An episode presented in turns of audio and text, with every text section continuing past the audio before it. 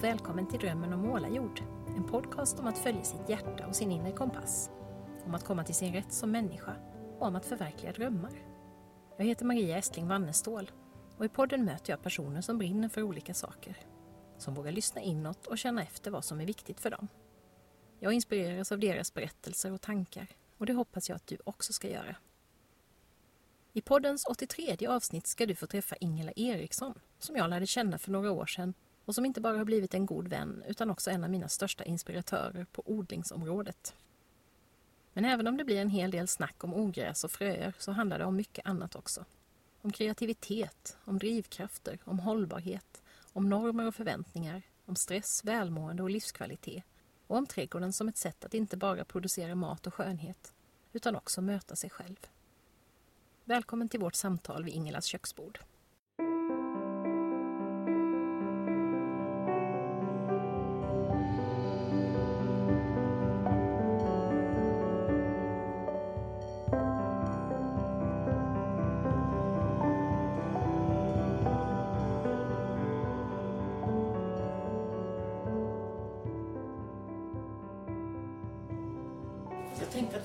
Som jag ofta gör numera, att bara kika in lite grann hur vi är och har det precis just idag.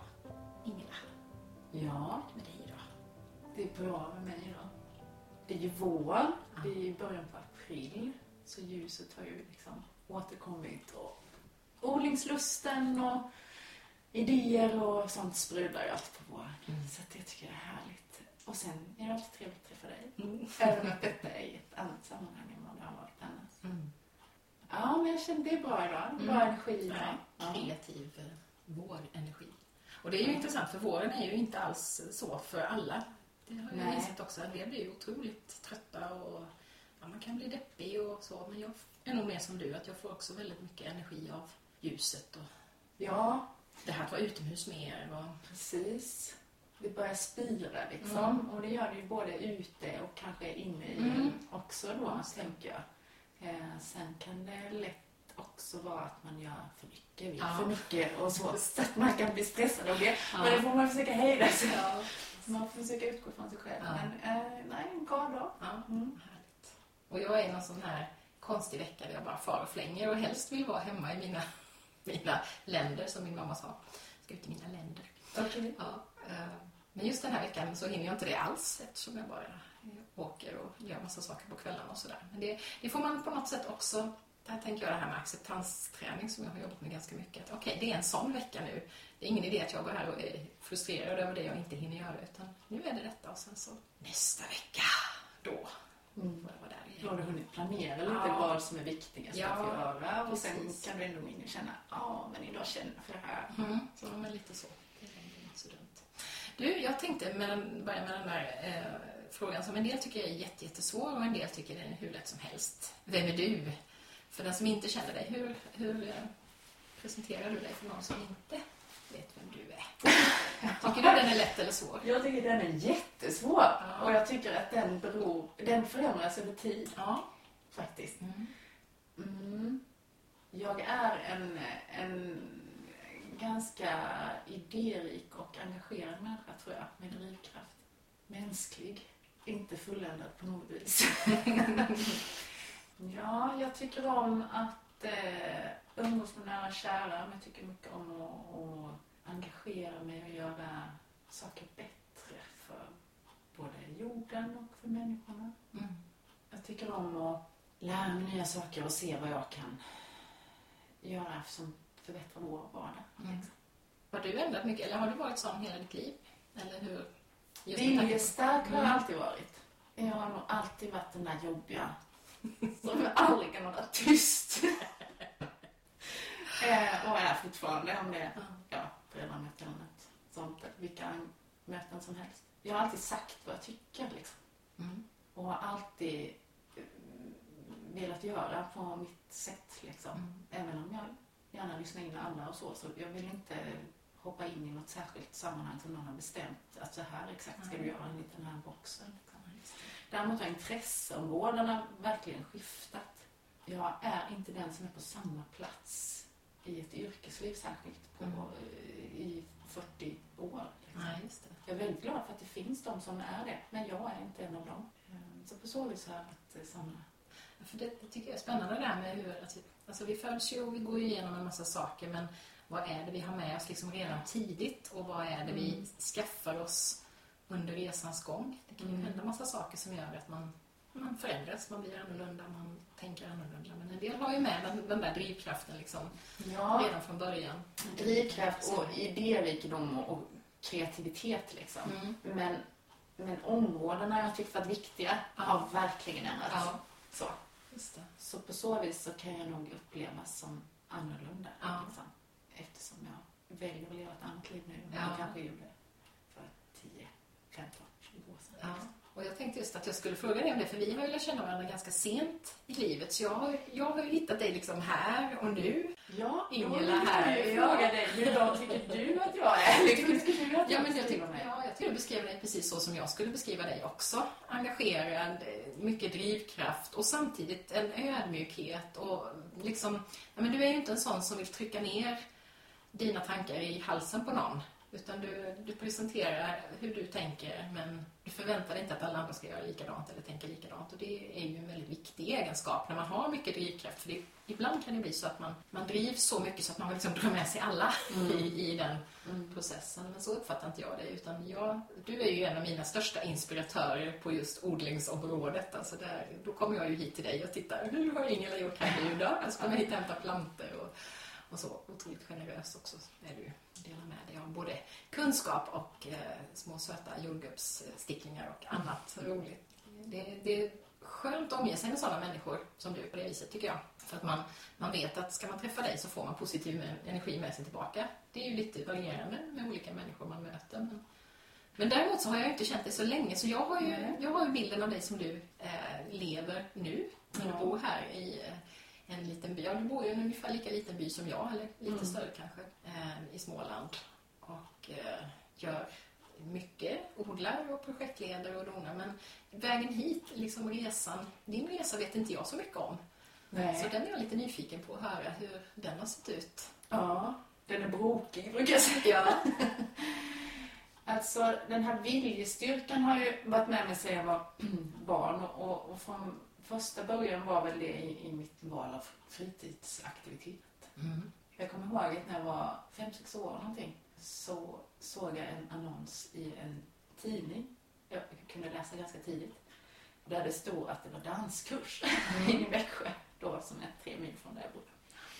Och så sa jag till mamma att det här ska jag gå på. Jaha, Det var inte får jag gå utan det här vill jag, där ska jag gå. Eh, jaha, du vet ju att du kommer vara själv där liksom. Du kommer inte känna någon. Nej, nej, men jag ska gå.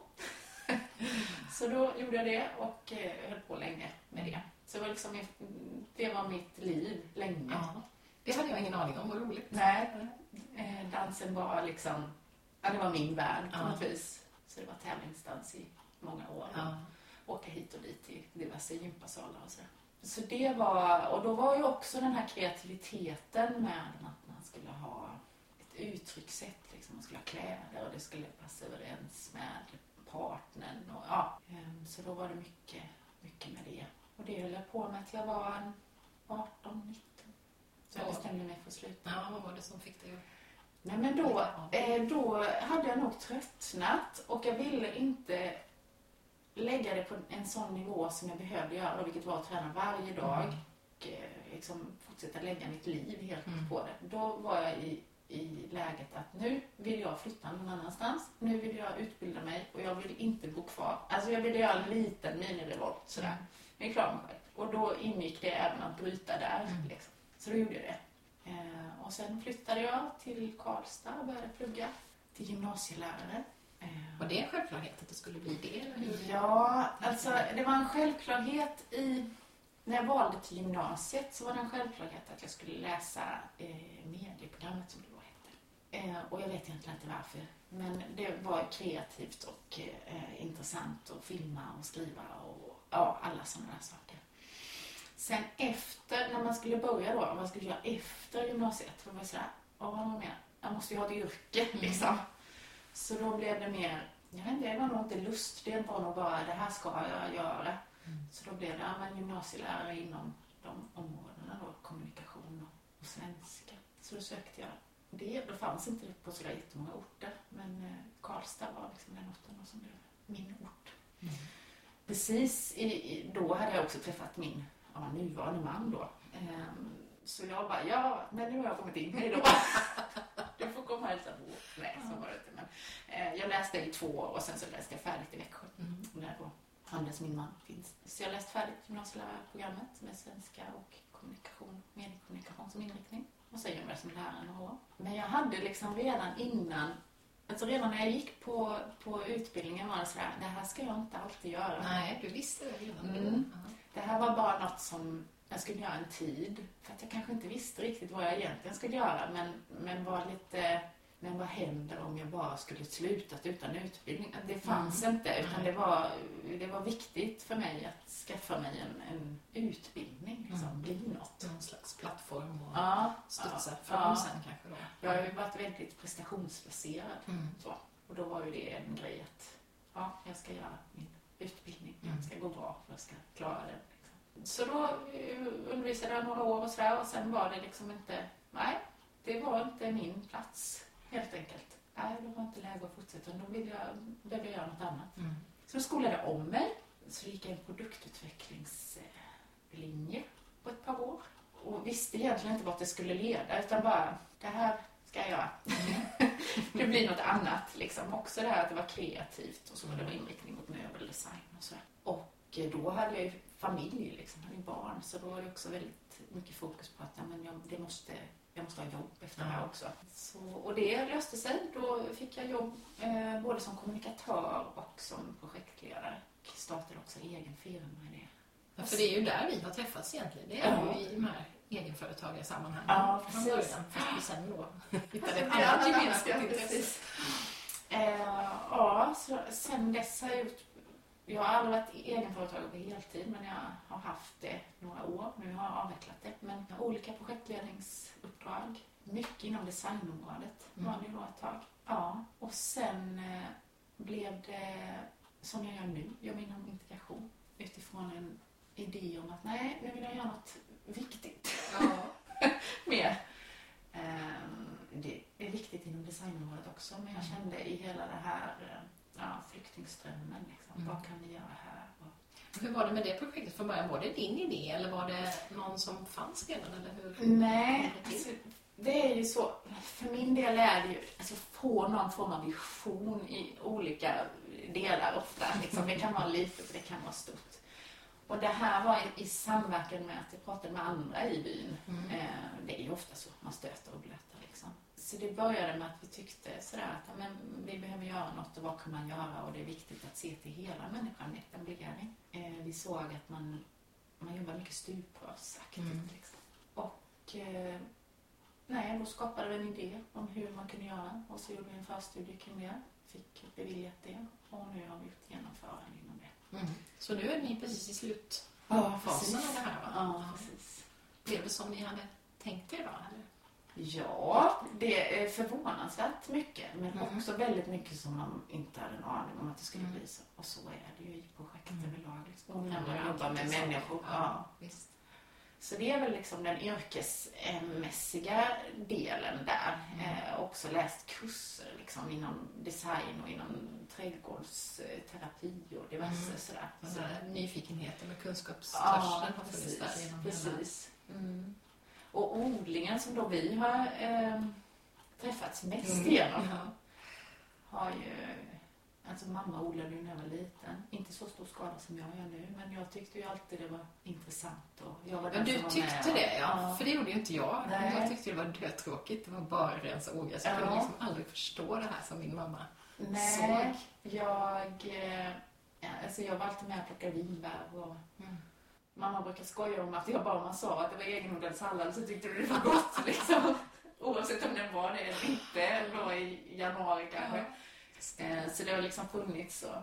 Ehm, Så att vi har alltid, vi har alltid odlat lite oavsett om vi har bott i lägenhet och har odlat på Mm. balkong eller vi har bott i hus. Men det har inte varit några större grejer förrän för ett antal år sedan. Nej, hur länge sedan är det ni liksom började bygga upp den här Ja, ytan som vi har nu? Eh, det där är alltid svårt. Det kanske är, säg fem år sedan som vi har haft stora ytor. Mm. Men kanske sju, åtta år sedan som vi började liksom utöka. Men för mig är det ju inte, jag kan inte bara ha en produ- produktionsyta av mat. Jag måste ha det estetiska också. Ja. Annars dör jag lite. Jag eh, klarar liksom inte rensa 100 meter morötter eller vad det nu är. Jag måste ha de här, de här små estetiska elementen och rummen och, och sådär. Och det är ju också någonting som alltid funnits med. Liksom, Mm. kreativiteten och Fast det är formen, ett liksom. sätt att få utlopp för den där också. Ja, istället för att jag målar inte.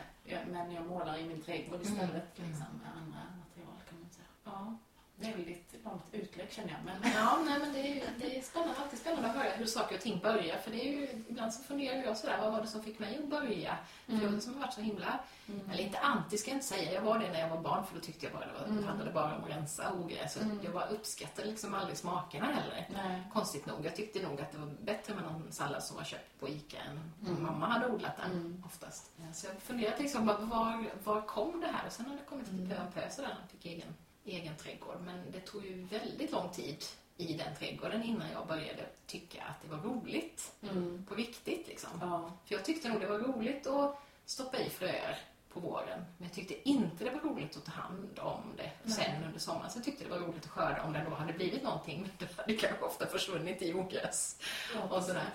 Så, att, ehm, så för mig var det mycket också att jag lyssnade på ett avsnitt om ehm, med någon kvinna som hade en sån här riktig domedagsvision för världen. Och ja, snart kommer det inte finnas några grönsaker. Och det låter ju som en jättedålig drivkraft, men för mig blev det en bra. Mm. Det, det, det hände någonting där när jag insåg vi har 3000 kvadratmeters gräsmatta här. Det är ju helt galet. Eller har vi inte för vi har ju en del byggnader på dem också. Men, men att vi har så mycket yta. Vi kan ju odla i princip all mat vi behöver i, på vår egen tomt. Och vi gör inte det. Vi klipper ju massa gräs istället. Ja. Så det var en jättekonstig, jag, när jag tänker tillbaka så var det en jättekonstig ingång. Det var inte alls så här liksom man tänker sig, oh, lustfylld ingång i det. Sen har det ju blivit otroligt lust, lustfyllt, men eh, själva den där skruven som fick det att gå från väldigt, väldigt mycket hobbyodling till, det är det fortfarande, men det börjar ju liksom ta an helt andra. Och nu är det ju, kan jag inte fatta hur jag inte har kunnat uppskatta detta tidigare. Och det är Nej. ganska fascinerande tycker jag att den Ja, men så, för så är det ju för mig också att jag inte uppskattade det innan. Ehm, var ju mer innemänniska än utemänniska. Mm. Nu är jag mycket mer utemänniska än innemänniska. Men, men det här att börja odla mer var ju olika saker. Det var inte en enskild Nej. sak. Vi hade ju trädgårdsland för att man ska ha det, Ja, och liksom, av olika anledningar. Ehm, och vanliga grödor, lite potatis, lite lök och ja, sådär. Sen har min man också alltid varit intresserad av Ja, det. för du har ju mannen med dig i detta också. Ja. Och barnen också till viss del i alla fall. Ja, precis. Och en period var det mer han som var sådär, "Ja, men vi kanske skulle testa att odla kål och sådär. Ja. Ja. Gör du det, tänkte jag. Ja. Exakt så. Eh, men eh, i och med att vi, vi började ta fatt i trädgården på baksidan av vårt hus Mm. så blev det också, men då ska vi väl ha kanske lite odlingslådor där och sådär. Och, och så började vi utöka. Och dels märkte vi hur mycket vi kunde faktiskt producera. Dels så märkte vi framförallt min son att hans eh, mage blev mycket bättre. Ja. Då blev det så här, jag ska alltid odla allt. Ja, just det. Då blev det en sån tydlig Ja. återgång. Ja, precis. Mm. Och sen utökade vi mer och då efterhand märkte jag ju också att jag mår väldigt bra när jag är i trädgården också liksom mentalt och Ja. fysiskt. Så det är inte bara själva maten då. Nej, det är inte själva produktionen utan det är så mycket mer än det. Precis, precis. Och nu har det ju gått så långt så att vi alla bara tar det för självklart att det är Ja. klart att vi ska göra det. Ja. Hur kan någon inte göra det? Alltså man blir så nördig. Att eh, det vill väl alla? Alltså, Ja. Nej, det vill ju inte alla och det kan väl vara okej, men vi, vi gör det. Ja. Så att eh, nu odlar vi ju jättemycket. Ja. Liksom. Och jag vill alltid odla mer och odla fler saker. Ja, och, och prata mycket med barnen, så vad tror ni om det? Och, och med mannen också. För Ja. liksom sådär. Så, så för mig var det inte en enskild sak. Nej, det var många. bäckar som rann ihop till den stora och, och i början var ju trädgården mer den här, ja men jag har lite fina buskar Mm. och lite fint sådär. Nu är det ju båda delar. Ja. Liksom.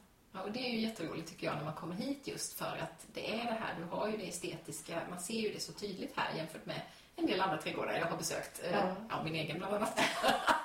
Där inte är så här, jag, jag har ju också en dröm om det, för jag tycker ju också sånt är viktigt, men vi, vi är liksom inte där än, vi håller på att bygga upp nu väldigt mycket och så. Men här är det ju, det är ju som att kliva in i en lite magisk sagovärld nästan, att kliva in i, i den trädgården.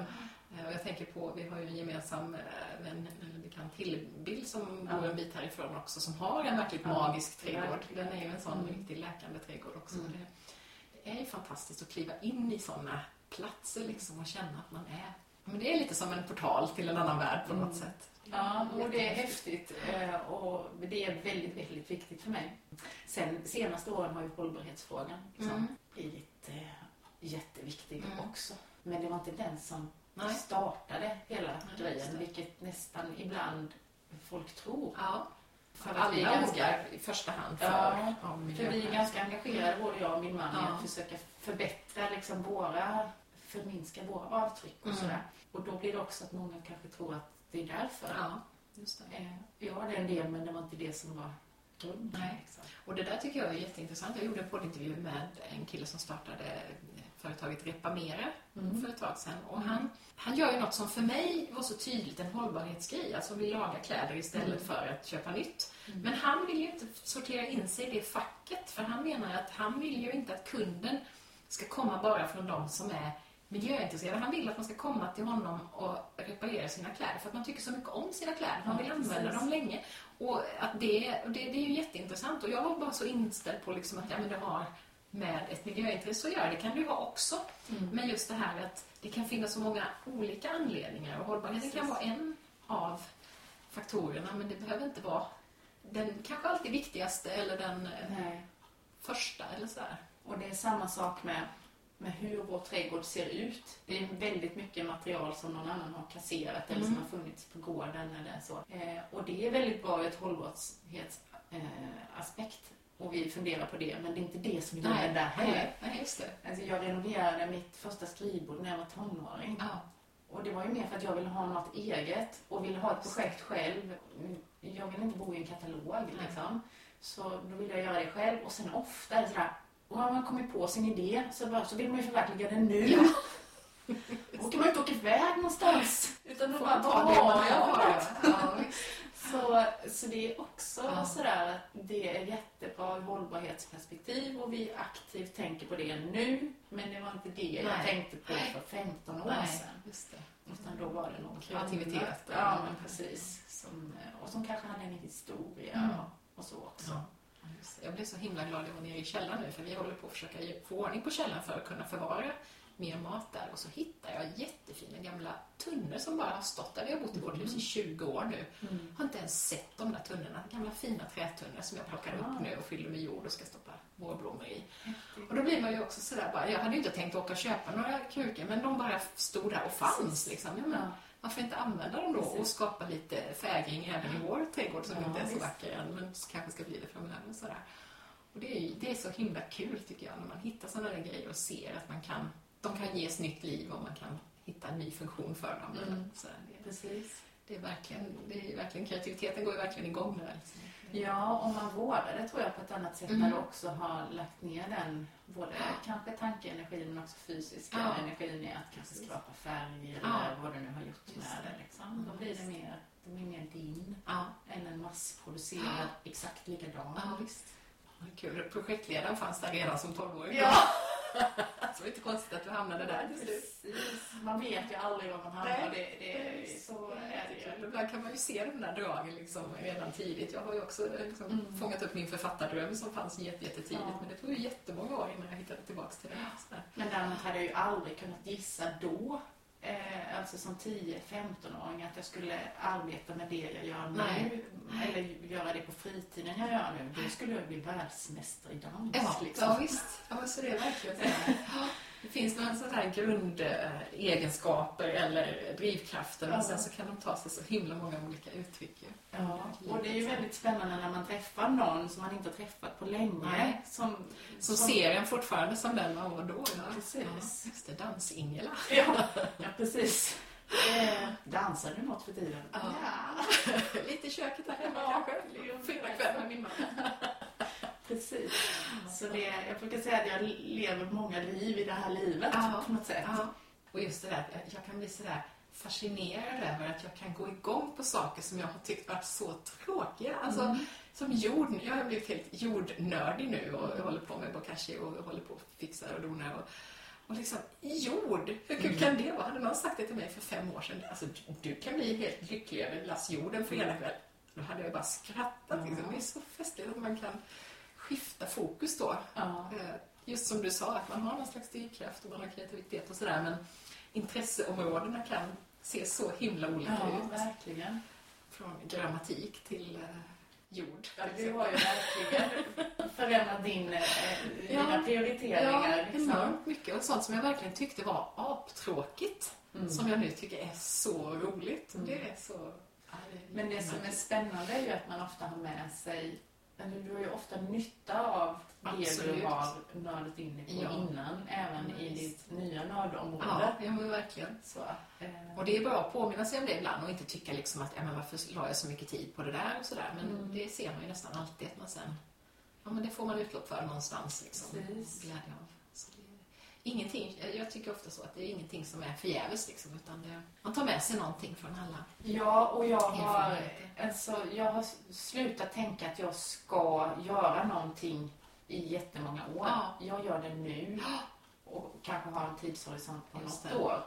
Eh, oavsett om det är fritid eller arbete. Men sen vet jag att jag kommer behöva justera Ja. det som är viktigt för Just mig. det. För då är det meningen att jag ska göra något Mm. annat. Ja, men visst. Och det är ju jätteviktigt. Det brukar jag prata om när jag snackar om det här med inre kompassen och sådär. Att, inte den, att man inte tror att okej, nu har jag bytt riktning så nu ska jag fortsätta åt det hållet Mm. i all tid. Det kanske är så att man har en slags Mm. huvudriktning på något vis för att det är vissa saker som är viktiga för en. Men att sen byter ju den där kompassen Mm. riktning. Och att, att man får lov att göra det då. Att man inte tänker att Nej, men nu hade jag ju nu hade jag nördat in mig på det här med odling. Nu måste jag hålla på med det resten av Mm. mitt liv. Men man kanske plötsligt vill någonting helt annat. Ja. Och det tror jag är viktigt att liksom våga, våga bejaka det, våga tillåta det då. Att Ja. inte känna att, det blir, att man inte är misslyckad då för att ja, men jag trodde ju att jag visste vad jag ville. Och så Ja, visade det sig att det var någonting annat. Nej men det är väl bara så att jag är färdig med det här nu och så. Ja, och det det tar ett tag innan man accepterar det jag tror jag. det också. Och jag är ju inte den som... Jag är inte förvaltaren. Nej. Att göra exakt samma sak år efter år. Det finns stort behov att det finns människor som gör det, men Mm. jag är inte den. Nej. Utan jag är den som kan sätta igång andra processer och Just det. eh, kika på system, hur de kan förändras, förbättras kanske. Och testa nya former i Mm. odlingsbäddarna. Ja. Eller vad det nu är för någonting. Liksom. Så att, ja. Ja. Du, jag tänkte vi ska kika lite på en spännande Instagram-serie som du gjorde här för ett par veckor sedan. Som Ja. jag följde med stor spänning där du eh, la ut frågor som du får ibland. Ja. Och så försökte svara på dem. Eh, först och främst, vill du berätta lite om varför, hur fick du idén att du skulle göra det på det sättet? Oj, hur får man en idé? Den, den hoppar ju upp. liksom. Nej, men jag tycker att det, eh, människor ofta är intresserade av att ha samtal och dialog. Mm. Liksom. Och det är ju jag också. Mm. Och de senaste åren, eftersom jag så tydligt har odlat mycket och hållit på med självhushållning och, och, och den delen, så kommer en hel del frågor kring de områdena. Mm. Så det, jag kände att, jag visste inte var den serien skulle landa Nej. riktigt. Utan jag kände att, nej men, nu eh, lägger jag upp något kring det här. Det blir nog bra. Och tog upp de sådana områden alltså, som, som kommer frågor efter. Ja, lite titt som tätt. Mm. Kul. Och en del, du varnar ju också känsliga tittare och läsare. Så där kan jag känna ibland, jag vill ju inte... Tidigare har jag varit mer sådär, du ska tycka som jag. Ja. Men jag vill inte vara den människan, utan jag vill mer... Eh, det är kul om man kan eh, se på saker på olika perspektiv. Det. Men jag vill också förmedla varför. Mm. Jag är en väldigt funderande och analyserande människa. Mm. Eh, och vill gärna stöta och blöta. Mm. Och eh, om man gör förmedlar sin åsikt med respekt för att andra inte Mm. tycker det så, så får man ofta bra energi Ja. tillbaka. Precis, det blir bra samtal kring det. Precis. Och första frågan, det var det här, hur hinner ni? För ni har ju, hur mycket odlar ni nu? Det är jätte, jättemycket. Ja, eftersom det inte är så mycket raka rador så, så vet vi inte exakt. Men jag ja. kan tänka mig att det är runt tusen kvadrat. Ja. Men då är det med gångar och lite eh, buskar och Ja, just det. sådana grejer också. Och då är det både perenner och eh, Mm. nya plantor och så här. Precis. Både bär och buskar och, Mm. och eh, Ja. grönsaker och Ja, fruktfrukter. så ja, något sånt Mm. tror jag. Och hur vi hinner? Ja, ingen av oss jobbar deltid. Jobbar Eller jobbar heltid, utan alla jobbar deltid i familjen. Ja. jag och min man. Eh, och då, vi prioriterar, eller framförallt jag Mm. prioriterar odlingen en del. Mm. Hur har ni tänkt, har det, är det ett beslut som har växt fram eller var det mm, tidigt liksom tydligt att ni var så ni ville ha det? Eller hur? Nej, det har vuxit fram. Ja. Ja, det har det. Jag har ju också bara tuffat på. Som, Mm. Man ska väl göra så här. av oss gör. Man ska väl göra så här. Liksom. Och sen bara, nej, det kanske man inte ska. Det kanske man inte måste. Och i takt med att vi utökar det, alltså det är en sak att ha en odling på 50 kvadrat, Mm. då kan man kanske lösa det. Mm. Men eftersom vi har utökat så mycket och vill vara självhushållande så mycket som möjligt så det går, ja, det går inte. Nej. I alla fall inte om jag ska hålla det någorlunda schack. Och i och med att jag då har den här estetiska skadan Mm. så vill jag ju gärna, det behöver inte vara perfekt, verkligen inte. Men jag vill ju gärna känna att jag har det någorlunda under kontroll Ja. i alla fall. Och jag har så mycket saker som jag vill göra. Och en av de sakerna är att jobba med vettiga saker. Mm. eh, Rent liksom lönearbetsmässigt. Mm. Men många av de sakerna innebär också att jag vill göra annat. Ja. Så vi hinner odla för att vi inte jobbar just det. Och det här är ju ofta ett känsligt ämne för det involverar ju pengar och det har man Mm. ofta mycket tankar och funderingar och, och ja, men det finns mycket liksom ramar kring hur det ska vara. Mm. Och vi, jag, det hamnade ju i det här också när jag Mm. för tag sedan efterlyste tips på hur man skulle kunna ja, göra saker själv och, och sådär. Och, eh, det var, jag var inte alls beredd då på att det skulle bli så mycket reaktioner på det här just att man, ja, man, man, man kan uppleva att eh, man känner sig stressad för att just andra då eh, gör sådana här saker som du och jag gör. Mm. Ehm, och det, jag tycker det är jätteintressant att plocka upp det här och vrida, vända och analysera det och, och fundera utifrån sin egen livssituation. För att, precis som du säger, det är, ju, det är inte så att man måste göra så, men det viktiga tycker jag är att man tänker efter. Mm. Om någonting sånt som någon lägger ut eller någonting man hör, om det triggar igång någonting hos en, Mm. då kanske det är läge att liksom ta sig en funderare. Det behöver ju inte innebära att nu bestämmer jag mig för att nu ska jag gå ner i tjänst och börja odla. Men det kan vara en, en, ett litet incitament att fundera över Mm. hur ser mitt liv ut? Hur har jag det? Hur vill jag ha det? Precis. Tror jag. Ja, och nu, har ju, nu jobbar vi ju båda deltid eh, och det kan variera lite procentmässigt så, men eftersom vi båda jobbar deltid så hinner vi ju också stämma av mer Ja. med varandra än vad, vad, vi annars hade gjort. Eh, jag har också förmånen av att ha ganska flexibla arbetstider, Mm. vilket inte alla förunnat mig, men jag har det, vilket gör att jag kan liksom, kan Anpassa lite mer efter. Ja. Ja. Oftast i alla fall. Och det, det underlättar ju Ja. helt enkelt. Och jag kan förstå att det kan kännas provocerande Mm. kanske. För man kan vara i en situation när det inte Den är inte fungerar. bra, nej. och eh, då får man ju titta utifrån Ja. det. Jag bara gör utifrån vad jag Mm. känner fungerar utifrån mitt. Ja, Man kan bara utgå från sig själv. Ja, men så är det ju. Och visst, det finns jättemånga som, som verkligen inte kan. Alltså man, Mm. man, man sitter fast i någonting. Men jag tror också att det finns väldigt många som, som skulle kunna ha det annorlunda. Kanske ha Mm. mer luft i systemet eller vad man nu vill. Men, men just att man, man har inte liksom... Men man, man, det, så, det finns så tydliga ramar i vårt samhälle för att man, alltså det är den här heltidsnormen finns där så starkt till exempel. Mm. Att det är det som alla ska eftersträva. Och det kanske inte, är, det kanske inte passar alla, men det, jag tror att det är så lätt att, att eh, sitta i det där att det ska se Ja. ut på ett visst sätt. För min del är det väldigt viktigt att inte alltid ha fullt upp. Nej. Jag kan ha det i perioder. Ja, just det. Men jag vill inte ha det alltid, för jag behöver ha den här tiden. Alltså efter man har gett mycket, då måste jag också ja, ha lite rekreationstid. Det. Och det kan jag få i trädgården Mm. på olika sätt. Mm. även om jag ändå då ser ut till att jobba rent Ja. fysiskt. För, det, för så tycker ju människor också att det, Just det, det är mycket jobb. Ja, fast för mig är det ett bra Ja. jobb. Det gör att jag kopplar bort från eh, andra saker Ja. och gör att jag också då blir mer effektiv faktiskt när jag arbetar. Mm. Så en arbetsgivare har mycket mer nytta av mig Ja. när jag jobbar deltid än Ja. heltid tror jag. Ja, just det. Eh, faktiskt. Så Och jag det är ju- behöver båda Ja.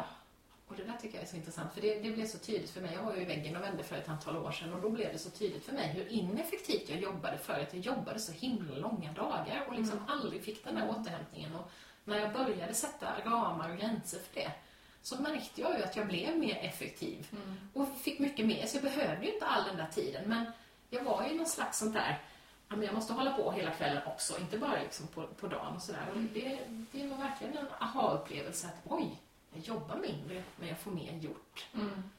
Och de, de yrken jag har haft är, har ju också varit mycket att man ska komma på idéer. Ja. Alltså man ska producera saker som inte finns ramar riktigt. Och det kräver en del tankeverksamhet. Och eh, när det är gjort så behöver jag lite rekreation Mm. för att eh, eh, producera igen. Liksom. ja, just det. Och om jag då ska jobba åtta timmar om dagen eller kanske ännu mer Mm. så, så blir det i slutändan väldigt tröttande. Jag kan göra det periodvis men jag vill inte göra det Nej. alltid. Och det, där har vi ju en förmån att just det där kunna periodisera lite grann. Och Det, Mm. det bestämde jag förra året när, när jag började tänka tankar liksom på att utöka våra odlingar. Att, nej, men april, maj ska jag försöka jobba, alltså då kan jag jobba mer några andra månader på året och så kan jag Mm. jobba mindre de månaderna. Sen har det väl gått sådär hittills, men nu är vi bara på, vad är det idag, fjärde. Så att just denna veckan så blir det lite, inte sådär jättebra. Men, Men jag tänker också att det, oavsett vad man har för fritidsintresse så, så vill man ju ofta göra mycket av Ja. det. Oavsett om det genererar pengar eller inte. Och då tänker jag att då kanske man ska fundera. Vill jag jobba heltid Mm. eller kan jag kanske gå ner lite grann? Mm. Det behöver inte vara till Nej. 50 procent, det kan vara Precis. 60 procent. ja, det kan ju vara det där lilla som gör att man får den där luften Mm. i systemet som gör att man hinner med sin fritidsaktivitet eller man hinner, som du nämnde, alltså det här man hinner stämma av med varandra. Det blir inte bara hej Mm. i farstun liksom, utan jag barnen och så, så det lätt blir om båda jobbar heltid. Precis. Ja, nej, det, det är absolut fråga.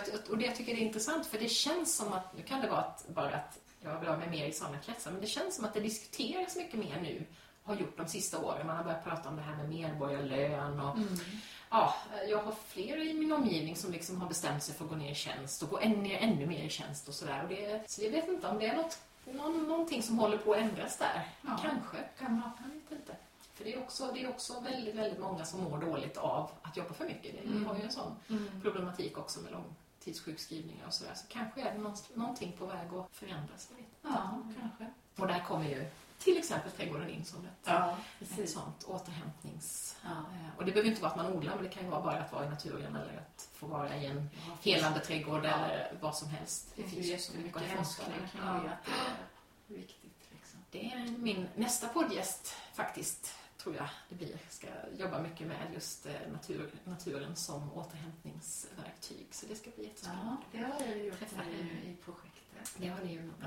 ja, visst. Ja. Det det är Har ni sett, har ni, ni har kunnat se, på, för ni har ju inte jobbat så länge med dem förstås, men ni har ändå kunnat se sådana Mm. effekter. Ja, Mm. absolut. Ja, jättespännande. Ja. Ja, där finns det nog väldigt mycket att göra, tror jag. Många som Ja. skulle behöva det gör det. få tillgång till det på ett annat sätt. Ja, fråga nummer två. Det är ju så dyrt med fröer. Ja, Hur ska man kunna jobba deltid om man ska ja köpa massa fröer? Ja. Det är, också, det är ju en återkommande, men det Ja. är ju väldigt dyrt. Ja. Jag tycker inte att det är det. Nej. Ehm, Jag tycker om man odlar bara något enstaka frö så kan det bli väldigt, väldigt dyrt. Men om du utnyttjar båsens resurser Ja. så får du också väldigt mycket mat. Ja. Eh, Om det nu är det man är ute efter. Mm. Och då tycker inte jag det blir Nej. dyrt. Jag tycker det blir väldigt billigt Mm. faktiskt. I förhållande till vad det blir. Om det nu blir någonting. Det är Ja. klart, en och annan påse kan gå åt skogen. Ja, absolut. Ja. Sen brukar när det gäller pengar så vill, eh, hör jag ofta också att ja, men, du måste räkna in din arbetstid då. Mm. Att det blir väldigt dyrt av den anledningen. Ja, just det. Jag tycker inte att jag räknar in min arbetstid på det sättet för jag ha mitt trädgårdsgym. Ja, liksom. ja, precis. En massa saker som man kanske skulle betalat för att göra Ja. annars. Ja. Ja. Åka på spa och på gym så kan man få ha Precis. till med Eh, trädgårdsgym slash spa. Precis. Och ser man till det vi faktiskt skördar, hur många kilon Ja. så, så får vi, skulle vi räkna på att vi skulle köpa det i butik så skulle det bli väldigt många Ja. tusenlappar Ja. i månaden än vad vi faktiskt lägger nu. Precis. Sen kan det ju kosta, det märker ju jag, när man är i det här uppbyggnadsskedet så kostar det ju en del. Nu beställde vi jord och vi köpte växthus och sådär. Det är klart att där är det ju kostnader som, som... eh, Men då tänker jag ju också långsiktigt att det här ska vi ju använda länge, länge, länge. Och då måste det ju få kosta lite. Så är det ju. Och det är ändå ett intresse som ger dig någonting tillbaka. Och du måste inte odla tusen kvadrat som mig. Nej. Och då kanske du inte behöver investera Nej. så mycket heller. Precis. Om du bara har några pallkragar eller du har en, en frilandsbädd på några Mm. kvadratmeter. Jag tycker inte att fröer är Nej, faktiskt. Vet att det är känsligt, Ja. men jag tycker inte det. Och sen är det faktiskt så också att man kan ju ta fröer själv. Om Det man, kan man. Det, det är mitt nästa mål, liksom, att bli mer Ja. självförsörjande på själva fröerna också. Det är ju svårare med vissa grejer än med andra, men en del Mm. är ju väldigt lätta. Kan man byta så, plantor man kan byta, andra. ja, precis. Så det finns ju sätt att gå runt det också om man tycker att Men jag kan uppleva att det ibland kan vara en föreställning att det är Mm. dyrt. Fast Mm. det egentligen inte Mm. är det om man utnyttjar resurser. Ehm, jag menar, har, jag vet inte ens hur många morotsfrön det är i en påse, men det är ju flera hundra, ja. ibland kanske flera tusen. Och förhållande till fröpåsens kostnad så får du ganska mycket Ja, morötter då. Just det. Ja. Så där har vi tagit hål på den myten. Ja, precis. Du, det här med barnen då? Ja. Och de ska äta grönsaker, ska de vara med och allt det här? Hur, hur resonerar du kring det? För det är ju också en sån fråga. Mm. Precis. Hur får ni barnen att äta grönsaker? Det har aldrig varit något problem. Nej. Och det kan också vara väldigt känsligt för det, eh, det finns någon eh, allmän föreställning nästan att det, det är svårt Mm. att få barn att äta grönsaker. Mm. Jag upplever inte det. Vi är väldigt bra på att äta i vår familj. Ja. Och då äter man allt, inklusive grönsaker. Inklusive grönsaker. De är med i odlingarna. Det tror jag är en, grej faktiskt. Att de ser Har det varit lätt att få med dem, tycker du? Har det varit naturligt liksom? Nu har ni hållit på ganska länge så de har kanske varit med Mm. sen de var... De, de stackarna har en sån viljestark mamma Ja. som nu gör vi det här. Oavsett vad lilla vi Ja, de har nog varit med. Eh, alltså vi försöker forma vår trädgård så att alla åldrar kan vara med. Mm. Så de har ju sin studsmatta eller sandlåda när de var så små så de, så de har ju varit med. Liksom. Mm. Sen gillar de inte allt. Men det gör ju inte vi vuxna heller. Men de testar väldigt mycket. Och jag pratar ju väldigt mycket med dem. Bara, "Har du sett här, nu växer det och sådär. Och de kan säga, jag gillar den saken mer än den. Och, eh, vi behöver kanske inte odla så mycket av detta. Min Ja, son tycker inte om mangold. Nej, Okej, nej men vi behöver kanske inte odla så mycket mangold då. Och sådär. just det, så man kan anpassa lite grann efter deras... Mm, min dotter säger att jag, jag gillar inte svartkål så mycket som grönkål. Nej, det är helt okej. Mm. Så eh, jag tror att man måste med barnen mm. om det. Och sen kanske fundera på om det nu är så att barnen inte äter grönsaker, hur äter jag grönsaker själv? Mm. Sen tycker jag, det jag tycker är svårt, det är när man liksom inte haft med dem från början. För så tycker jag det har varit i Mm. vårt fall. Mitt intresse har ju väckts nu de sista åren och nu är barnen ganska stora. Nu är de 9, 14 och 17. Liksom. Eh, och de är, de är inte intresserade av ord. De tycker det är jättetråkigt. De kan vara med lite grann om de får betalt. Som min dotter. Det är en väldigt bra Det är en bra tycker jag också. Ja, visst, vi hjälpte med att köra jord i, i söndags och vi hade jätteroligt så det funkade hur bra som helst. Och Adam han ska få sitt eget, han fick ett eget land förra året men då fick han liksom, då blev det på slutet av sommaren så då fick han ta det som var över. Och då odlade eller han saker som han, inte själv äter. Men nu har jag fått vara med i år så har han bestämt vad han ska ha. Då ska han ha potatis, morötter och röda blommor som Ja. Liverpool. Okej. Yes, så han ska få ha det i sitt land. Och då, då blir det lite roligare. Men däremot så är de ju inte uppväxta med att äta så mycket grönsaker som eh, vi har börjat göra på senaste år. Och det är ju lite, tycker jag är svårare då, för de, de är ju falukorvsunga liksom. Det var ju så Mm. vi levde i deras, under deras första år. Det har varit svårare att, motivera. Men vi, jag är ju också ganska enveten av mig. Så Mm. att jag kämpar ju på liksom och försöker introducera det ena efter det andra. Men de gillar ju inte saker som har varit i ugn. Grönsaker och rotsaker. Där. Rått går det mesta bra. Men nästan ingenting som har varit i ugn. Och det gör det lite svårare. Men, men rått är ju det ofta som, som jag också upplever att barnen gillar Ja. mest. Eller det Ja, är mitt barn särskilt som liksom gillar när det är riktigt här Mm. färskt. Mm. Eh, men gillar inte alltid när det är tillagat. Eh, Men jag tänker, det är ju det här klassiska, få dem att smaka alla Ja, grejer men man måste inte man tycka måste om inte, alla nej. grejer. Nej. De måste heller inte vara och rensa en massa ogräs. Nej. Men sen är det också det här, ja men ni vill äta sylt, okej men kan, då får ni hjälpa till att Ja, plocka Just det. krusbären Ja, men visst. och så vidare. Just det. Men man måste känna efter vad som funkar för sin Ja. egen familj även där, Ja. tänker jag. Mm. Men det är ju inte så att de är ute och rensar ogräs. bara. Hej mamma, får jag rensa nu en fem timmar idag eller? Nej, men däremot om man är sådär, nu behöver jag lite glasspengar. Ja. Vad har du för jobb till mig? Ja, precis. Ja, det finns det här och det här och det här och det här. Det, Ja, finns många saker Mm. att välja Ja, men jag tror ju jättemycket på det med delaktigheten i den mån det går. Och Mm. liksom, ja, absolut. Och vara ute och, och fika eller Ja. vad det nu är. Just det. Ja, men det är bra. Ja, men du. Fråga nummer fyra, det handlar om vad ska man satsa på först? Om man inte har odlat innan, vad är det liksom, hur ska man ta sig an det här i början då? Mm. Det man gillar att äta. Det är ju ingen mening att odla mangold om ingen gillar Nej. mangold. Just det. Och sen kan det vara att man vill testa för att man inte har smakat. Mm. Men om du märker sen att det inte gör det så Nej. eh, gå hem så då får man ju sluta med det. Jag tycker det är fantastiskt med de här olika variationerna som finns. Det finns ju hundra olika morotssorter och massor av salladssorter och så Mm. vidare. Så odla med olika färg och form och struktur tycker jag är Mm. häftigt. Du brukar lägga ut så fina bilder ju på när Ja. du har gjort dina sallader med olika Ja. Färger i och sådär. Det är väl esteten i mig Ja. där tror jag. Vi brukar säga att vi ska äta i alla fall en regnbåge om dagen. Ja, just det. Vi försöker det. Ja, Och det gör så mycket för ögat så blir det, det blir godare. ja just det. Så, så kan man tänka lite grann om man då ska planera ett ganska litet land, att man ändå kan få in liksom några olika färger. Ja, i det tycker jag. Och lite olika strukturer. Mm. Och har man barn eller barn kring sig så är det ju också så bär och sockerrötter Mm. och sånt som Mm. man bara kan det. direkt. Vi vuxna också för den Mm. delen. Mm. Ätbara blommor tycker Ja. ju barnen också är det. väldigt roligt. Kasse och ringblomma och sånt. Ja. Sådär. Och som också gör det vackert då. Som, för det tänker jag att det där estetiska gör ju också att det känns mer lockande att gå ut och vara där. Om det är, Mm. om det är fint där man är. Om det växer blommor också bland grönsakerna till exempel. Och, Precis. Och att det faktiskt är tillåtet att plocka dem och Mm. bara sätta in Mm. dem också så att Mm. inte de måste stå på ett nej, visst ställe eller så. Ja. Jag tror jag också hjälper till att få det bra färdigt. Ja. Så, så det man känner att Det man det tycker att man gillar jag. går igång på antingen Ja. med ögat eller med gommen då. Ja. Kan man För det är ju väldigt fascinerande tycker jag att när vi handlar morot i, i butik, då handlar vi morot. Mm. Vi vet ingenting om vad det är för Nej. sort. Nej.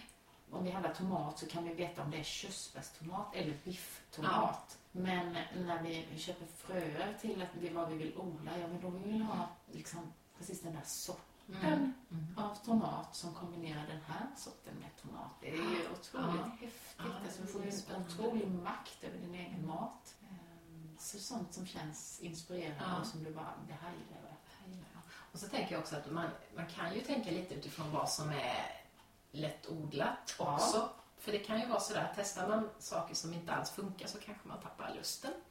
Så det kan ju vara bra också att köra, som squash till exempel, som nästan inte, det verkar ju inte gå att misslyckas med det. I alla fall det har jag inte misslyckats än. Det De blir inte jättemycket. sniglarna. Kan komma, ja, Ja. det förstås. Men det blir ju mycket av det liksom. Det blir... Herregud, odla lite potatis ja. första året. Just det, sådana där saker som det ändå det blir någonting av och det, man kan använda det eh, enkelt och, och sådär. Ja.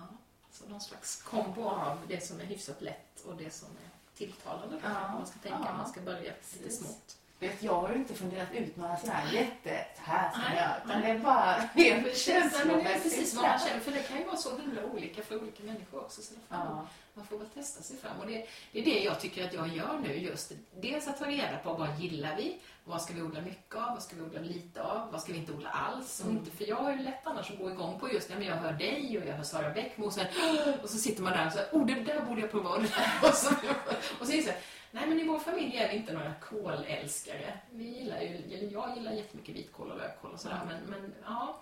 Ja, men lite broccoli, lite kål. Men då ska Ja. inte vi satsa på att göra jättestora sådana odlingar till exempel. Och, eh, men, men däremot så älskar alla spenat, och, eller eh, potatis och morötter och, och squashen har jag nu hittat en miljon sätt att använda. Så att, ja, men då kan vi odla jättemycket av Ja. det då. Sådär. Ja, det är lätt att komma, som du säger, åh det här och det här och det här och det här och det här. Ja, visst. Ehm, Så där får man nästan hålla i sig lite grann, att Ja. inte dras med för mycket, i, bör- i alla fall i början, Ja, utan att det får komma, liksom, växa fram lite grann och tänka att okej, ja, men nu testar vi det här i år och sen ja, får vi se om det blir bra. precis. Och sen samtidigt måste man få experimentera. Ja, precis, för det är ju det som är det roliga Annars med... blir det ju Ja. tråkigt. Ja. Annars så fortsätter Ja. ju inte jag odla. Mina barn brukar säga så här mamma nu börjar det, det finns ganska mycket frö här.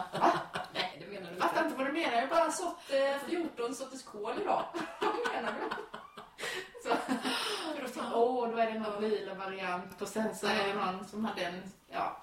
Och det, man måste ju inte göra det, men om man känner att nu kan jag odla så pass bra och jag vill testa det här. Och den variationen av, av kål kommer säkert vara att man odlar på ungefär samma sätt som den här. Ja, jag måste utmana mig själv Ja. och ha lite annorlunda från år till år. Jag kan inte odla samma sorts morot, samma sorts, alltså Nej. ha tio sorter. Men om man, om man äter de tio sorterna och tycker att det är det bästa och inte vill göra mer, låt det vara Ja, de tio För sorterna. det är återigen det där liksom, att känna efter hur vill, hur vill jag ha det då? Ja, och precis. inte, att våga experimentera, men att göra det på sina egna villkor på något sätt. Precis. Och- eh, bryt inte ihop ifall det inte blir några Nej. sockerrätter första året. För det kommer ju alltid en ny säsong. Ja, det är det som är det fina med trädgården. eller hur? Ja, Ja, trädgården är livet på något ja sätt. precis. En fråga var, vad gör du annars? Och jag tänkte, vilken konstig fråga, för att antingen jobbar du eller odlar du, men du kanske gör någonting annat också. När du nu inte jobbar heltid då, så tänker Ja. jag att då är ju du i dina odlingar större Ja, precis. Men, Jag tycker det finns en norm att man ska jobba heltid. Vi var Mm. inne på det innan. mm. Och jag är väldigt tydlig med att jag inte vill jobba heltid och jag jobbar inte heltid. Jag har haft förmånen att inte göra det nu ett tag. Och då får jag frågan, jaha, men vad gör du annars? Eller sådär. Eller om jag jobbar 50% med ett projekt och så säger man, vad har du din andra sysselsättningsgrad? Mm. Men så ja, jag jobbar inte vanligt då. Så då odlar jag ju. Jag är med mina barn, med min familj, tankar energi, hittar nya kreativa projekt. Eller bara är och inte gör något. Läser eller stickar. Eller det. kan vara bero lite på säsong. Du nämnde en drejskiva här också. Ja, precis. Finns det lite sånt? Ja, jag vill ju gärna. Ja, jag vill. Precis. Ju mer man kommer in i det här självhushållarlivet, jag tror att du är likadan, Mm. så vill man ju bara, kan jag kanske göra det här också? Och så kanske jag kan göra det. Kanske kan sy mina egna kläder och så kanske jag kan eh, göra mina egna bruksvaror och så vidare och så vidare. Ja. Men just eh, men drejskivan är mer för att jag vill även vintertid skapa med händerna. Men jag vill inte att det ska vara någon prestation med det. Det ska inte vara något, jag ska inte bli mycket. Jag vill bara testa, se vad det blir och blir det inget så blir det inget. Men eh, då har jag ju inte jorden att gräva i Nej, på samma det. sätt. Så kan du få utlopp för den Ja, precis. handrörelsen liksom. Ja. Har- sticka och sånt där Ja, också. precis. Ja. Men jag har inga ambitioner att bli någon liksom, konsthantverkare som lever på att sälja. Och det är väl jätteskönt att man kan, man kan ha den ambitionen. Det, allting måste inte bli liksom något Nej, som precis. måste nödvändigtvis bli ett resultat för någon annan. Utan man kan få göra det bara för att det är roligt att sitta vid drejskivan också. Precis. Eh, Så vi får se. Precis. Det kanske inte blir något. Eller så blir det jättemycket. Så står det här med krukor från... Slut på alla andra krukor. Nu gör Ingela sina egna precis. och planterar för. Ja, precis. Nej, men, men det handlar ju mycket om just det här att eh, jag vill inte jobba heltid. Och det är, eh, det exkluderar ju ganska många arbetsplatser Mm. egentligen. Men det är klart. För det Det är inte normen. överallt. Nej. Nej, det är normen att jaha, vill du inte jobba heltid då tar vi någon annan Ja, istället. Tänker att det är inte där jag ska vara. Nej. Men det är ganska intressant Mm. att det fortfarande är så. det. Ja. När vi samtidigt har ett samhälle där många signalerar att Mm. det, det blir inte så bra i längden. Nej, och många står utanför arbetsmarknaden. Man tycker att man skulle fördela den lite bättre då. Istället för att hälften jobbar ihjäl sig och några inte har Så jag brukar ju säga så här lite...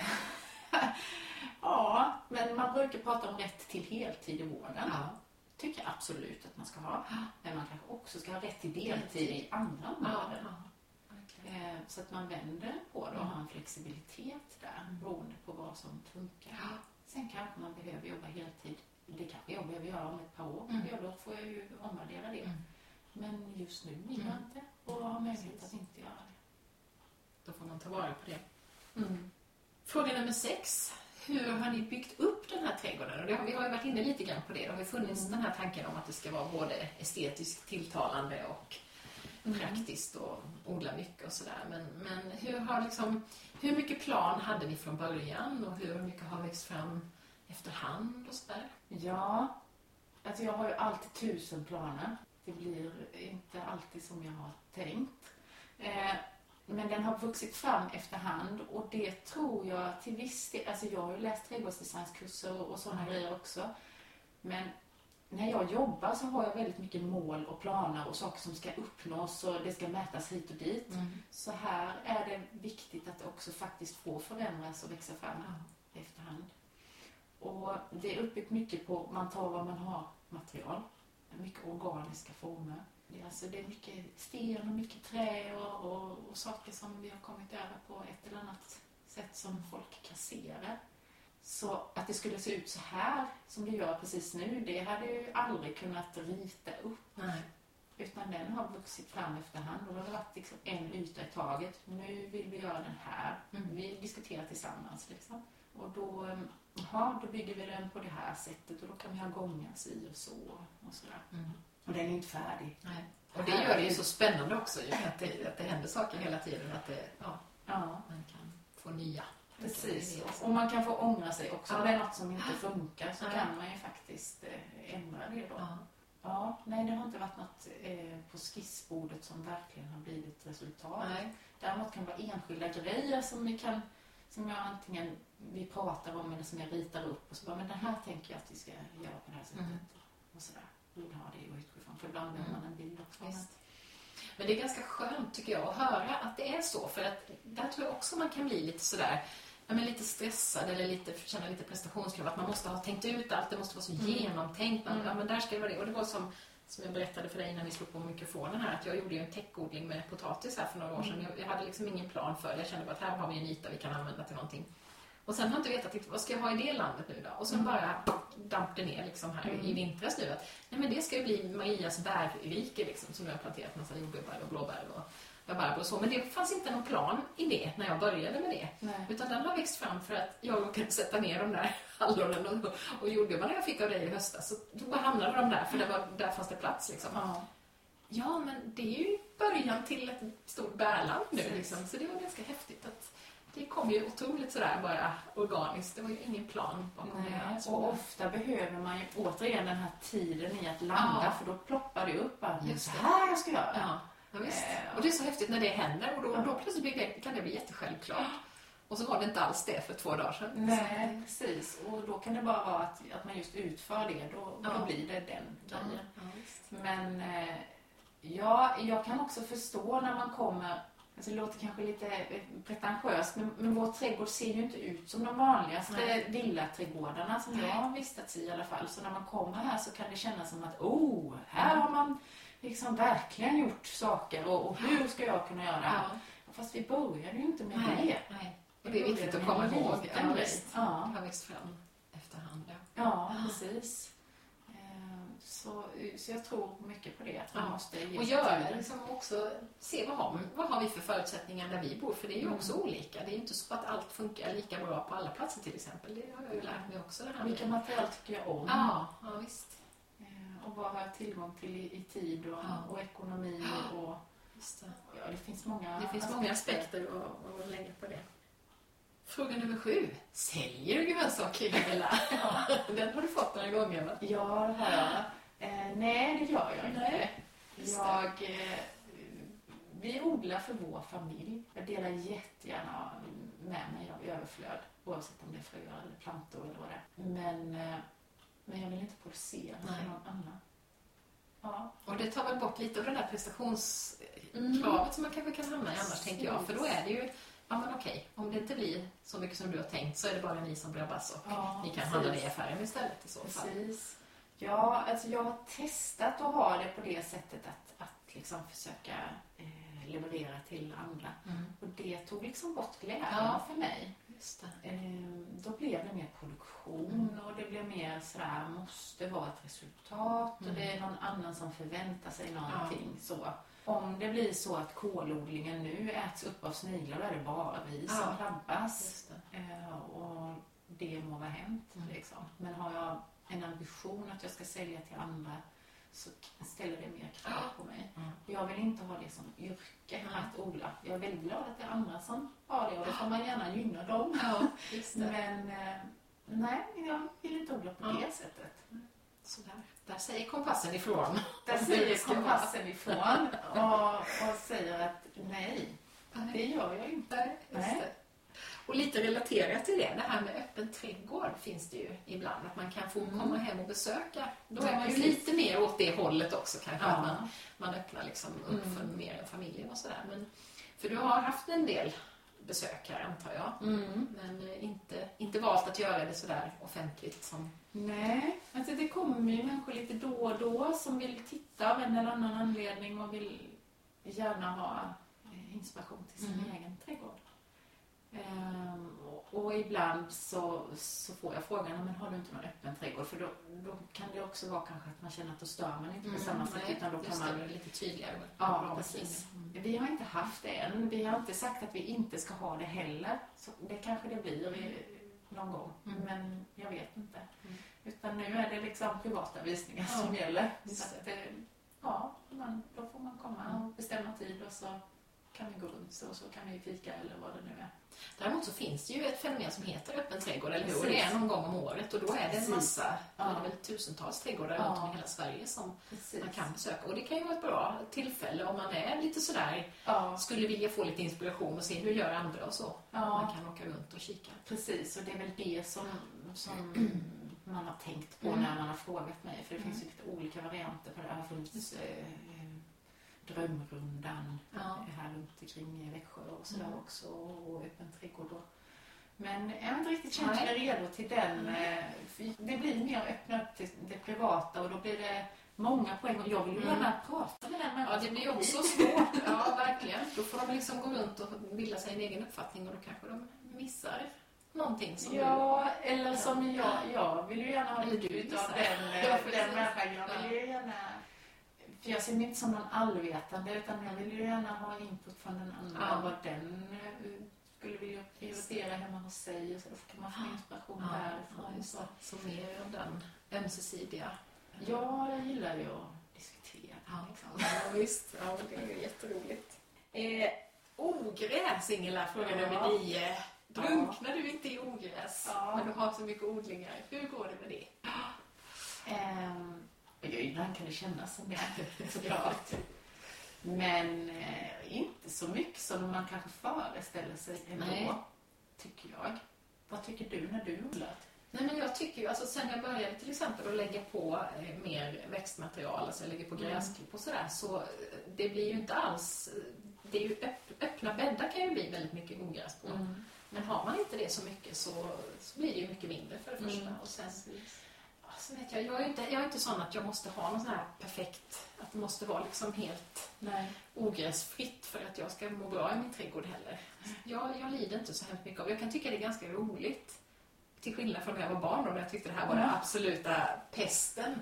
Ja, men då tar jag med mig någon podd och lyssnar på kanske lite grann och så kan jag ligga där och så, så blir det fint och så Mm. tycker jag det är ganska mysigt. Och Mm. så kan jag ta det där ogräset och lägga någonstans där det kan bli, bli multna, bli Ja, jord. Och då är precis. det en del av kretsloppet också. Så Precis. jag har nog, jag har nog avdramatiserat min, mitt förhållande till ogräs tror jag, Ja. på senare år.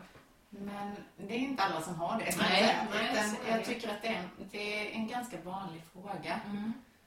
Om man kommer hit så här, oj vilka stora odlingar du har, du Mm. måste rensa ogräs jämt. Ja. Och det är en del skötsel, men som du säger med täckodling så minskar ju Mm. Det behovet. Eh, och sen får man försöka lägga, lägga det på en rimlig nivå. Ja. Jag kan inte ha helt ogräsfritt i alla bäddar, det går inte. Men det, det är inte ogräsrensning som tar mest Nej, tid. nej, Utan det som tar mest tid är ju att ta hand om grönsakerna, just det. tycker jag. Eh, både att skörda och att tillaga, Mm. att förvara och så vidare. Just det. Och det tänker man kanske inte att det är det som... Jag tror inte det, för jag tror inte att jag hade... Det är ju så länge sedan nu så jag har glömt bort vad jag Ja. tänkte innan. Just det. Men jag tror inte att jag tänkte att det skulle ta Nej. så lång tid att faktiskt ta hand om alla grejer som man, som man faktiskt får då Mm. när man odlar så mycket. Eller om det bara råkar vara ett äppelår som var förra året Ja. och jag var så envis och ville ta vara på varenda liten Du är äppelkart. ju väldigt bra på att ta tillvara grejer, så att jag förstår det. Ja, men det, blev ju så roligt för då blev det så att vi tittade på Outlander på Netflix på kvällarna och varje avsnitt då hann jag precis eh, fixa en tre liters bunke med äpplen som jag Ja. sen ja, frös in eller gjorde äppelmos på Mm. eller torkade eller sådär.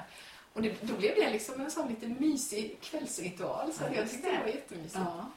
Där och kommer ju igen då där med barnen som Ja. gärna vill ha glasspengar eller så. Att det, vill ni ha sylt så får ni gärna ta hjälp av dem. Ja.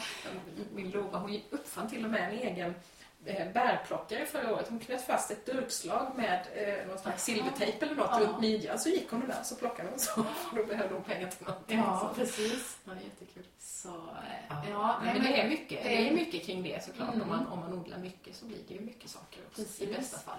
Och jag tycker att det är värt den ogräsrensningen. Och som sagt, jag mår bra när jag är i trädgården. Och så länge det inte är panik mycket ogräs Nej. så kan det vara okej. Och så ser man, oh, nu blir det ju väldigt Ja, men det är ju det. Och det är ju just tillfredsställelsen i det att man är med och skapar det här tycker jag. Mm. rensa ogräs eller skörda eller vad det nu handlar om. Alla de där Mm. processerna. Att man, liksom, att man är så delaktig i det. Det, Ja. det ger ju mig otroligt Ja. Mycket välmående på något sätt. Mycket mer välmående än stress och presta- prestationskrav. Ja. Och jag har tänkt på det för jag har lyssnat på många avsnitt av eh, podden som heter Odlarna. Mm. Den lyssnade jag på väldigt mycket när jag höll på att bygga mina bäddar i växthuset i somras. Och då ställer de frågan till nästan alla gäster. Blir du inte stressad av din trädgård? Mm. Jag tror nästan inte en enda har svarat att de blir det. Och det kan man ju annars tänka att ja, men det finns ett visst mått av stress, för det är Mm. ändå mycket som ska hänga med. Men nästan alla har svarat att nej, för att jag har valt att göra det på mitt sätt, utifrån mina förutsättningar. Att inte ha det perfekt och sådär. Och, Mm. Så det är väldigt få faktiskt som har upplevt det så. Ja, men jag kan känna att om man, om man, funder, om man sitter inne och funderar Ja. liksom, sådär. Just det. Jaha, nu är det så här och så här, behöver göra det här och det här och det här. Skörda de här 30 olika grejerna. Ja, just det. Så. Då kan man bara, usch, nu kan det bli sådär stressigt. Men när man väl går ut sen och Och börjar, där, ja. så bara okej, Mm. det är ju inte, varje moment tar ju inte Nej. Flera dagar oftast. Och det är ju så tydligt det här med, att, med vad som stressar oss, att det är ju tankarna på Ja. någonting vi ska göra oftare Precis. än själva görandet. Precis, Som när du väl är där och om du ploppar i någonting i lurarna som, Ja. som du tycker är trevligt att lyssna på eller, eller Ja, samtala med barnen eller vad det nu är för någonting, då går det ganska mycket lättare. ja sådär. Så det är, jag tror att det är tankespökena Ja, som lättare stressar oss Ja, än när man verkligen gör. Och det tror jag gäller oavsett om Det gäller något jobb annat. och mycket annat Ja. också. Verkligen. Ja. Nu, Jag kommer ju knappt ihåg vad jag Nej, skrev kommer för inte ihåg, men nu är vi på sista frågan, ser du? Nummer 10. Ja. Varför odlar ni så mycket? Ja, precis. Varför odlar vi så mycket? Ja, Ja, det har du väl egentligen redan svarat på. svarat på Ja. att vi, vi mår bra av det. Ja. Av olika anledningar. Jag tycker man möter allt i, i trädgården. Mm. Och det är ju oavsett om man är jätteglad eller superledsen Mm. eller Ja, alltså det är liv och död och förhoppningar och kreativitet Mm. och, och allting. Mm. Eh, det är ju väldigt tillåtande miljö. Mm. Liksom. Det är ju, som vi sa innan där, att man får ju alltid en ny chans. Och Ja. så. Och, ja, det är en hållbarhetsfråga, det är en livsfråga. Det är, det är liksom, just nu är det viktigt Mm. att hålla på och vara aktiv Mm. av så många anledningar. Eh, Så just nu ser jag inte att jag skulle sluta med det. Nej. För det var egentligen min allra sista fråga. Hur tänker du kring framtiden? Och då tänkte jag både odling och jobb och annat. Men om man ser till, till odling och trädgård just nu känns det som att det här kommer du att hålla på med trots att du är lite, som du beskrev det, lite rastlös och lite, lite Otålig, ja, ja. inte så Men- mycket förvaltare kanske. Nej, men det är ju... Jag brukar säga att om, om idéerna tar slut, då ska jag lämna den här Mm. platsen. Ja. Men idéerna är ju långt ifrån slut. Nej, precis. Än. Det finns så mycket fortfarande kvar finns förändra. Och. Eh, och det kan ju vara att man odlar på en annan plats också för den delen. Men just nu känner jag att jag har kvar att göra här, Ja. där jag är. Mm. ehm, i den situationen just nu. Så, så jag tänker inte att jag ska så igen. Liksom. Däremot tror jag att den kommer förändras i fokus eh, om några år. För då, ja, när barnen flyttar hemifrån och sådär, då, det är ändå svårare att äta lika mycket mat när man är färdig. Alltså, du då vet, du börjar producera till andra. Ja, precis. Man ska aldrig säga aldrig, men just nu känns det inte som att jag ska göra det. Så, ehm, ja, jag tror jag kommer fortsätta utforska, men, Mm. Men det kan, jag tar det från den här säsongen. Den här Ja. säsongen känner jag att men nu ska jag hålla på med den här platsen av trädgården och så ska jag göra det här och Ja. det här. Och, Ja, det. eh, och här gör vi en hel framsida som vi knappt har börjat på Mm. Och, och så vidare. Så, så Det det finns tror jag. potential för drömförverkligande både Oh, här och där ja. och kreativitet. Och, Ja, och det är ju det är med hållbarhetsperspektiv Mm. så är det också det här med djur och pollinatörer. Liksom, Mm. Och Just det, för ni har bin på, ni har gröna redan och ni har bin på ingång. Precis. Så det är ju också en del i det här kretsloppstänkandet. Att man får försöka och se vad man kan göra med det. Så ja, det- vi kommer fortsätta att och odla Mm. och, och sådär. Och jobbmässigt, hur tänker du där? För nu är det här projektet på väg att ta Ja, slut. precis. Ja. Ja, Har du nya planer på gång? Den som lever får se. Ja. Eh, ja, alltså jag har ju några månader kvar. Vi Ja. håller på och för vidare våra rekommendationer eller vad man ska säga, erfarenhet. Så jag är väldigt mycket inne i det. Mm. Eh, sen får jag se, helt enkelt. Mm. Och som projektare så, så är det ju svårt att se att någonting ska precis stocka an till det ena eller Ja, andra för man är så inne i att förverkliga sin grej och Ja. sånt och man ser så. Men jag, jag vill ju gärna jobba med eh, systemförändringar och, och hjälpa till i, i att hållbar värld och, Mm. och så för människor och för oss som bor här, som bor på andra platser och som har så eh, någonting blir det. Mm. Får man en vad? Mm. Spännande. Vi får komma tillbaka och se vad som har hänt. Några år kanske? Ja, jag får komma tillbaka och se om jag sitter i min grönska eller om jag har asfalterat hela just det. baksidan. Känns ju lite otippat just nu. Det känns lite otippat, men man ska ju aldrig säga aldrig. Det var jättekul att få nörda ner sig lite ordentligt så här i eh, odlingsvärlden och eh, ni som eventuellt då inte är ointresserade av odling, ni får väl helt enkelt eh, tänka att ja, man får stå ut med ett och annat emellanåt som man kanske inte trodde, men det kan, ibland kan det ju faktiskt vara så att det kan väcka ett intresse som man inte ens visste att man hade. Så har det varit för mig, helt klart. Ja, och jag- tänker att oavsett vilket intresse man har så kan man alltid docka an till Ja. någonting hos någon annan. Precis. Och det är ju precis som det du har beskrivit också med att trädgård och odling, det är ju så mycket mer än bara eh, det att vara där i jorden. Det är så mycket själslig påfyllnad också. Så att det tror jag också är viktigt att, att, att eh, prata om. Att eh, vi kan hitta liksom sätt att odla vår själ. Om det är i trädgården eller om det är i naturen någon annanstans i skogen eller vad det nu än är. Men det finns många sätt att jobba med den Ja, möta sig själv och jag. Ja. Mm. Precis.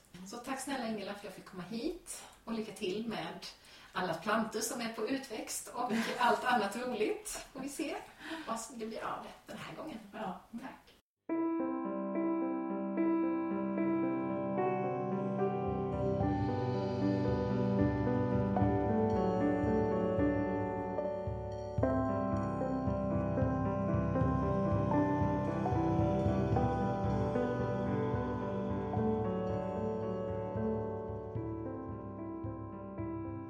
Skulle vilja kika in i Ingelas trädgård och det hon skapar där är ett tips att följa henne på Instagram. Där heter hon ingela.h.eriksson. Och vill du veta mer om projektet Grön landsbygdsintegration som Ingela leder och som vi inte pratade om så mycket i vårt samtal så kan du läsa om det på toljmodellen.nybrukarna.se. Är du nyfiken på att lära dig mer om odling och inspireras av andra odlare har jag tre finfina tips att utforska. Det första är podden Odlarna som görs av Olof Söderén och Anna Rökeus. Det andra är bloggen Farbror Grön som drivs av Johannes Wetterbäck. Och så det tredje tipset är förstås hela Sveriges odlar och självhushållardrottning Sara Bäckmo som delar med sig av en massa inspiration och kunskap på sarabackmo.se. Jag har också poddintervjuat Sara. Att odla grönsaker och själar heter det avsnittet, som har nummer 71. Mitt poddsamtal med Ingela får sätta punkt för den bloggserie om att göra saker själv som jag nämner i programmet och vars sista del handlar om just odling. Det som skulle bli ett litet enkelt tipsinlägg blev hela sju delar. Dels fanns det så många fina tips inom olika områden att dela med mig av. Bland annat tack vare ett antal Facebookvänner som hörsammade min efterlysning. Dels ledde den efterlysningen också till intressanta diskussioner om livsval, stress, kvinnofällor, pengar och pensioner. Därav alla dessa inlägg. Gå gärna in och läs på drömmenommalajord.se. Kanske hittar du något tips som du kan ha nytta av och kanske får du rent av någon tanke om hur väl ditt liv stämmer överens med hur du skulle vilja ha det. Finns det luft i systemet? Små mellanrum här och där. Om inte, skulle det vara möjligt att skapa förändring av något slag om du skulle vilja det. Nu ska jag ägna större delen av den här veckan åt två saker. För det första ska jag komma ikapp i mina odlingar efter fem dagar på vift. Bygga bäddar, så fröer och sätta ut förodlade plantor. Som jag längtar. För det andra ska jag försöka smälta intrycken efter en fantastisk kurshelg på Sydkoster där jag tillsammans med ett 30-tal andra kvinnor jobbade med att möta min smärta över allt det där som är tokigt i världen. Men också har fått tanka inspiration, energi, kärlek och massor av aktivt hopp. Det passar ju väldigt bra med tanke på att vi har releasefest för boken Aktivt hopp som jag var med och översatte imorgon, onsdag, 1 maj. Nästa gång handlar det mycket om naturen som en läkande resurs när du får lyssna på ett samtal med naturhälsokommunikatören Josefin Wilkins. Tack för att du har lyssnat idag och välkommen tillbaka. Hej då!